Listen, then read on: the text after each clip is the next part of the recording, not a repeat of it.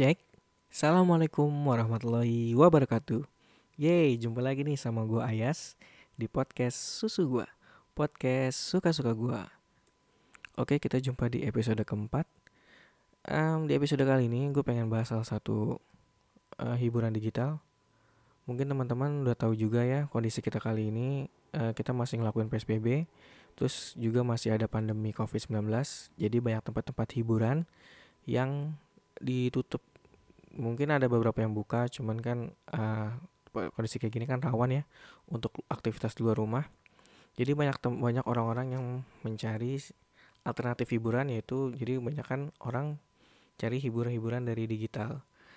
Uh, salah satunya adalah kayak film lah kayak film drama Korea atau film-film dari Netflix atau anime atau bisa juga komik-komik dan segala macem lah uh, salah yang bisa menghibur kita yang sedang melakukan psbb di rumah. Um, gue pengen bahas salah satu hiburan digital yaitu komik ya dari Korea.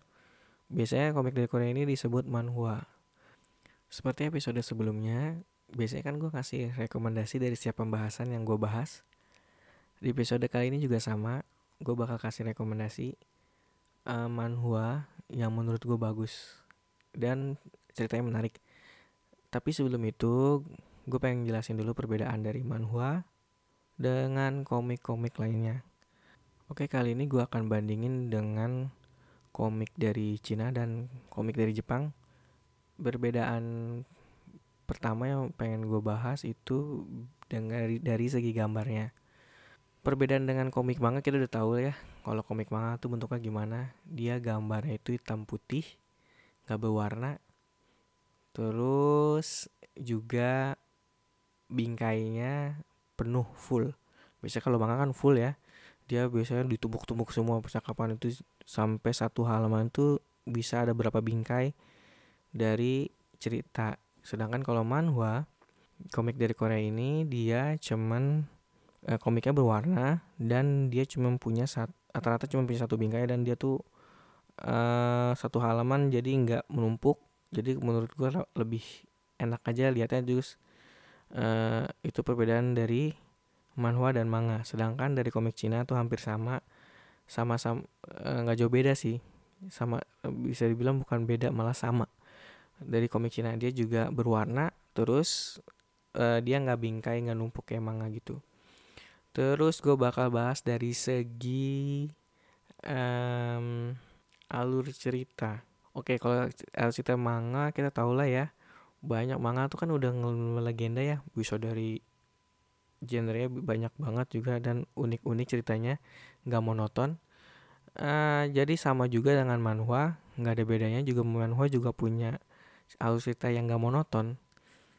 Sedangkan dari komik Cina itu manhwa justru malah beda. Karena rata-rata komik Cina itu monoton ya. Misalnya satu satu uh, ceritanya tentang merendahkan semuanya rata-rata ikutin merendahkan. Misalnya satunya juga ikut uh, apa sih namanya belajar bela diri. Semuanya man manhwanya tuh bela diri. Kayak gitu deh pokoknya monoton deh ceritanya juga hampir-hampir sama kalau manhwa. Nah, sedangkan kalau manhu manhwa ini yang dari Korea ini dia ceritanya bagus. Oke, jadi gue bakal kasih rekomendasi manhwa yang menurut gue alur ceritanya bagus dan enak untuk dinikmatin ya. Yang pertama gue pengen kasih uh, rekomendasi yaitu The Legendary Moonlight Sculptor. Um, jadi ini salah satu manhwa yang menurut gue bagus alur cerita ini tentang uh, gamer ya. Jadi itu dia gamer yang udah istilahnya udah usia lah. Usia udah waktunya pensiun akhirnya dia pensiun jual gamenya eh jual akunnya dengan harga mahal gitu kan.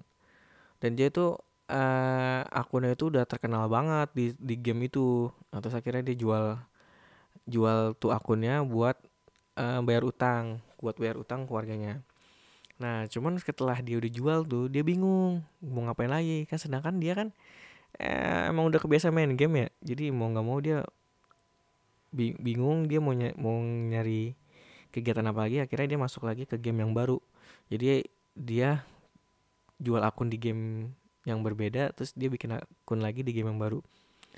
Nah tapi di game yang baru ini dia pengen justru dia dap dapat uh, karakter apa ya dibilangnya karakter yang blacksmith. Yaitu karakter-karakter yang bisa biasa buat buat barang gitu kan. Nah uh, dia pengen nekunin di game itu jadi blacksmith kan. Untuk bisa dapetin duit kan menempa-nempa segala macem tuh barang bikin barang barang jadi dijual dan segala macem. Nah uh, singkat cerita dia akhirnya nemu uh, kelas legenda kelas legendary yaitu Moonlight Sculptor Moonlight Sculptor itu yaitu kelas pemahat. Ya jadi dia uh, uh, bisa mahat gitu. Jadi uh, pahatan yang dia uh, hasil yang dia pahat itu bisa ngasih debuff ke pemain lainnya. Nah gitu deh pokoknya ceritanya dan ini manhwa yang ratingnya lumayan bagus yaitu ratingnya itu 8,8 ya. Dan menurut gua Alfita juga bagus banget buat teman-teman yang uh, nyari rekomendasi manhwa. Menurut gua nih salah satunya dia juga udah 169 chapter ya. Itu juga udah berapa season ganti uh, sekarang juga uh, kemarin tuh saat chapter 169 itu dia ending season keberapa gitu gue lupa. Um, dan menurut gue ini patut untuk dibaca dan dinikmatin buat ya menghibur diri sendiri lah. Oke rekomendasi yang kedua ada The Beginning After the End. Jadi manhwa ini nyeritain tentang sosok raja yang udah punya kekuatan yang dahsyat kekayaannya juga banyak. Terus juga nggak nggak terkalahkan di dunianya terus tiba-tiba dia dibunuh secara diam-diam dan melakukan reinkarnasi gitu kan.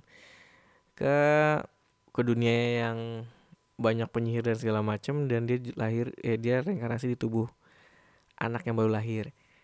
Jadi eh, dia udah OP dari lahir ya. Karena kan uh, sebelumnya juga dia raja yang gak terkalahkan kan cuman karena dibunuh diam-diam dia mati gitu kan jadi dia udah OP dari lahir dan menurut gue nih manualnya unik ya karena ceritanya ini bener-bener nyeritain detail banget.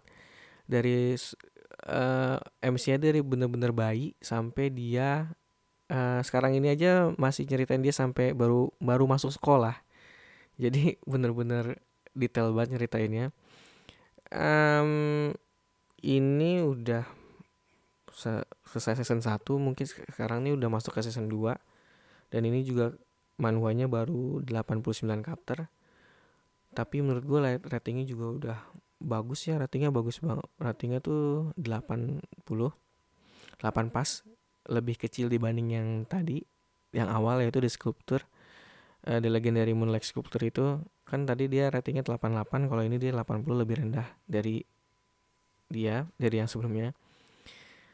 Tapi menurut gua ini bagus banget dan uh, kita juga nggak ngebosenin dan ringan menurut gua.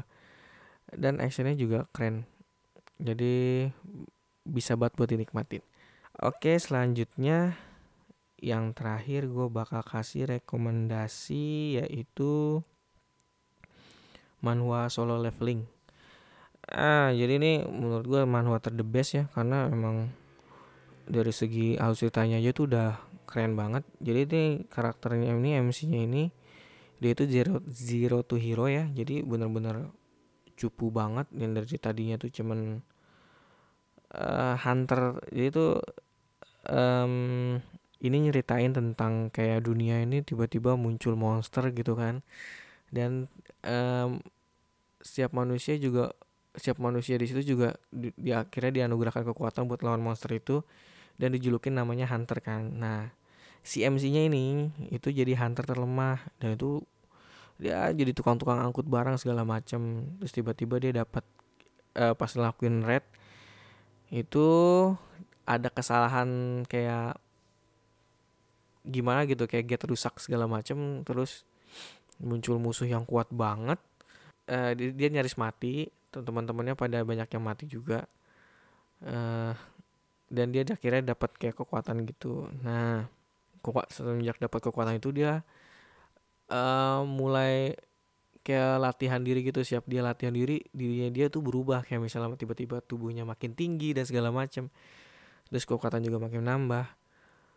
Dan menurut gua dari zeronya itu ke hero nya itu jauh banget. Karena hero nya itu bener-bener OP banget.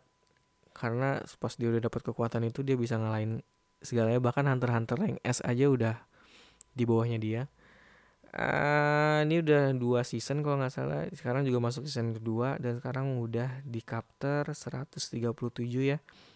Terakhir tuh dia uh, udah selesai. Terakhir tuh dia sebelumnya tuh dia punya misi buat nyembuhin ibunya.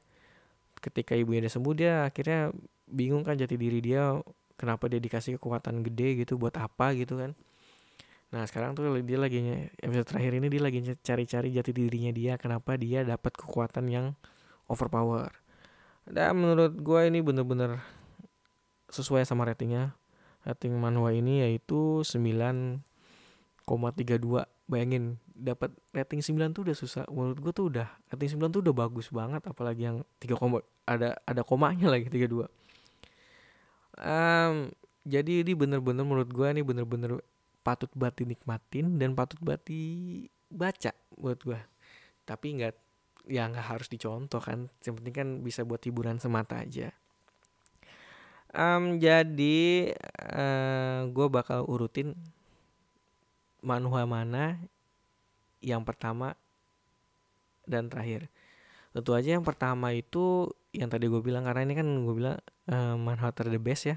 Yang pertama itu solo leveling uh, dia dari ratingnya juga udah jelas 9,32 dan alur ceritanya tuh benar-benar menarik. Uh, kalian bisa baca-baca juga uh, apa komik manhwa ini.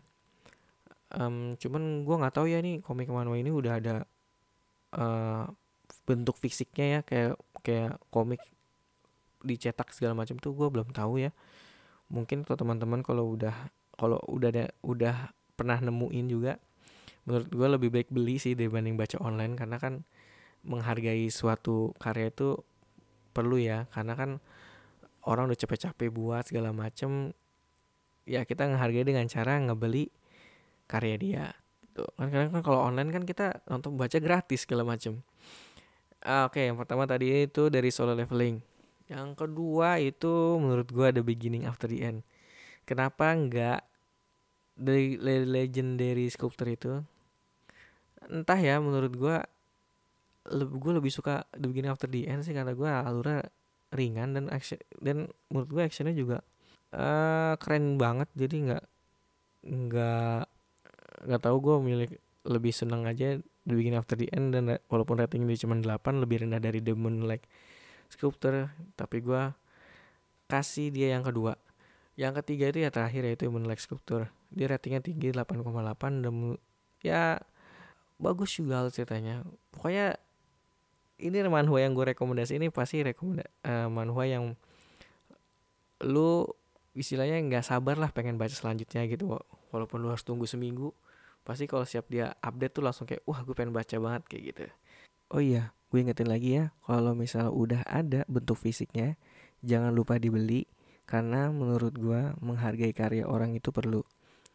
Uh, mungkin itu aja di episode kita kali ini uh, ngebahas tentang rekomendasi manhwa ter the best menurut gue yang pertama ada solo leveling yang kedua ada the beginning after the end yang terakhir ada The Legendary Moonlight Sculpture. Dan sampai jumpa di episode berikutnya. Thank you. Assalamualaikum warahmatullahi wabarakatuh.